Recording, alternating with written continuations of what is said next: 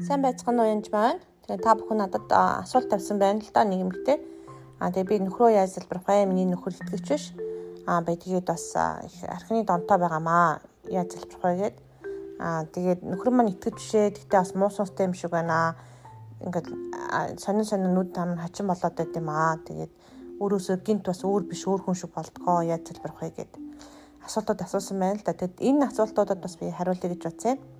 Тэгэхээр Марк 19-с 16 дээр зарим нь бас би одоо ингэж тахна нөхрөөсөө салах зөв үү гэдэг юм асуултууд ирсэн байна л да. Тэгэхээр би эдээ салалтын төлөө бол хийж байдгүй нийл хамт бүхний хамт нийлүүсээ хинч бүү салах гэж боддог. Гэхдээ тухайн хүн үнэхээр одоо гимтэх аюултай, тухайн хүнийг бүр бэртэх аюултай тийм байх юм бол та бүхэн маань үнэхээр залбираад болохгүй байх юм бол доочих асуудлыг бүхэнтэй зохицуулаад өөртөө шийдвэр гаргах ёстой гэсэн. Би хизээж салт гэж юу зөвлөгөө бараг өгдөггүй Марк 19:16. Харин бүтээлийн эхнээс бурхан хүмүүсийг эр эмээр нь бүтээсэн. Тиймээс эр хүн эцэг эхээ орхон ихтэртэйгээ нийлж хоёул нэг махбат болдог. Тимтэд цаашид хоёр бос харин нэг махбат юм. Имээс бурхны хамттан нийлүүлсний хинч бүү салгаг гэлээ. Тэгэхээр энэ үед нөхөр одоо хэцүү ч юм уу байла одоо муу сүнстэй байна уу, донтой байна уу, эсвэл цагаан ашиг болохгүй байна уу? Юунаас хамаарсыг хам одоо хэлж мэдэхгүй байсан ч гэсэн би бол яаж залбир гэж зөвлөдөг вэ гэхээр шүн унтчихт нэг залбираа гэж хүсдэг байгаа. Шүн унтчихт нь гар тавиа залбирч болно. Яагаад гэвэл энэ таны бие байгаа. Нэг биетэйг дэрсээ мартаж болохгүй. Нөхөр чинь тусдаа биш биш байхгүй. Та нөхөр таар нэг биетэй учраас өөрийгөө залбирч байгаатай адилхан зүйл. Танд бүх эрх мэдэл нь өгдсөн гэсэн. Нөхөр байна уу, эхнэр байна уу хамаагүй эхнэр нөхрөөгөө хамт залбирч болно. Ялангуяа унтаж хэмтдэг газар маш өрөө залбирх хэрэгтэй энэ орон дээр бахимцсан хүмүүс өрөөгдөх болтугай эзэн бурхны хэн гэдгийг мэдэх болтугай. А бидэн бидний эзэн Есүс Христийн бурхан алдрын эцэг нь та одоо яг тэр нэг нь хэлээ те болдог батаг эсвэл одоо одоо одоо цэцгээ гэж гэдэг юм те. Мэрэгэн ухаан хийгээд илчлэлийн сүнсийг өгч өөрийгөө бүрэн мэдүүлж зүрхнийх нь мэдмиг гийгүүлээсэ тэр унтсан ч өрөөгдөн хөвцсөн ч өрөөгдөн энэ орон дээр болсон ч өрөөгдөн гэд сайн яг хөвтөг газруудын үнэхээр сайн залбирдаг ба тэгээд Эфес 1-ийн тэр 17-гоор яг бидний эзэн Есүс Христийн бурхан алдрын эцэг одоо болдоод сүл цэцгээд нарт мэрэгүү ухаан хийгээд илчлийн сүнсийг өгч өөрийгөө бүрэн мэдэрч зүрхнийхэн мэлмэдгийг үлээсэ гэд. Ялангуяа итгэж бүс хүмүүстээр нэлээ энэ залбирлыг баг өдөр болгон хийхэд нэг 7 хоног болоход нөгөө хүн чинь тэгээд бас зүү зүүдлэх болтгой эзэн бурхны хин гэдгийг мэдэх болтгой та үнэхээр түүнийг илчлэлтийг одоо зүүдэн оронд нөгөх болтгой гэд бас залбирч болно. А нүд чихэн нээгдэх болтгой. А тэгээд үнэхээр тэр хүлцэн байгаа бодор сүнсийг шууд хөөж болохгүй хэрэг итгэж биш бол а түүний бертарыг би хүлж байна дотор хүмүүсийн харин дотор нь байгаа хайртай ханигаа чөлөөлөн авч байна. Энэ бол миний бие махбод чөтгөр чи деволчи энэ дотор явах эрх мэдэл тань чамд байхгүй гэд. Яг дон хөөх тал дээр бол яг дон хөөх подкастыг сонсоод бас хамт залбирч болно шүү. Тэгээд нэг 7 хоног залбирахад шууд өөрчлөлтүүд гарах хэвээр. Ер нь бол эхний залбирлаа л өөрчлөлтүүд гардаг ба.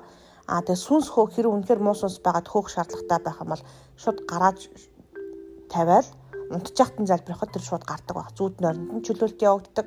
Хитжихтан тэр хүн мэдсэн мэдээгөө залбирахад муу сүнс мэдж байгаа та сүнсээр сүнстэй залбирж байгаа болохоос тухайн махан бие унтчих нь бол ерөөсөө хамаатай биш гэсэн үг.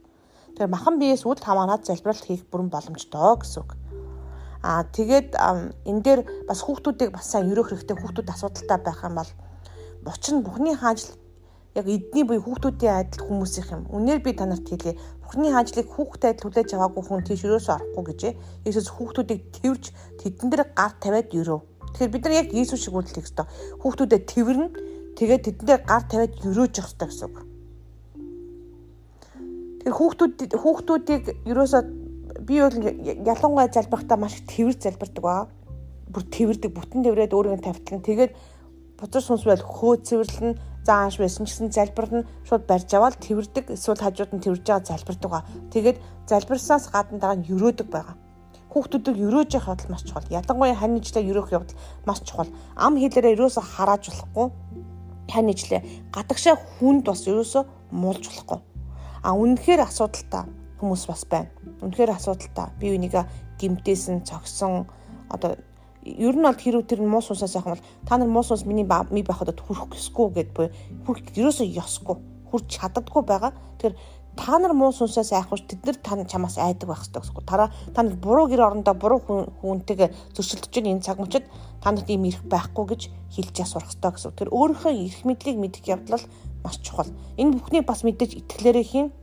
Ямар нэгэн махан бие дээр хөө чамд муу сүнс байна гэж орилол ингэж хөөй тэгэж хөөй гэх юм бол итгэвч биш хүн байх юм бол гайхан энэ хүн чинь галзуур аюул гэж бодно.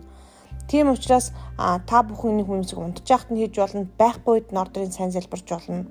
Аа тэгээд үнэхээр тэрвээ залбирах боломжтой бол өөрт нь ойлгох хэрэгтэй. Хоёлаа хамт Библи стори эзний үгнээс нэг л өгүүлбэр уншия хамт гээд ихт нуршихгүй өөрөөр нь уншуулах ч юм уу, өөрөөр нь айлгуулах чанга дугаар Библийн нэг л ишлэл хайрын ишлүүдийг бас уншуулж бас болно. Аа тэгээд их хүчлэхгүй, их дарамтлахгүй хийх ёстой шүү гэж бас хэлмээр байна. Тэгээд өндөр хайраар өөрчлөлт одоо үйлчлэх үед хараар тэрвэрэх үед хараар залбирах үед хүмүүс заавал өөрчлөгдөж байгаа. Үр хөвгтөж өөрчлөгдөн нь ханжиж өөрчлөгддөг байгаа. Хамгийн гол нь та өөрөө эзэнтэй ойрхон байх хэвээр өөрөө зөв байх хэвээр гэсэн. Хин нэгний буруутахаас өмнө бас надад юу бэ гэж шалгаараа. За танд амжилт хүсье. Бурхан тань үнэхээр хайртай шүү.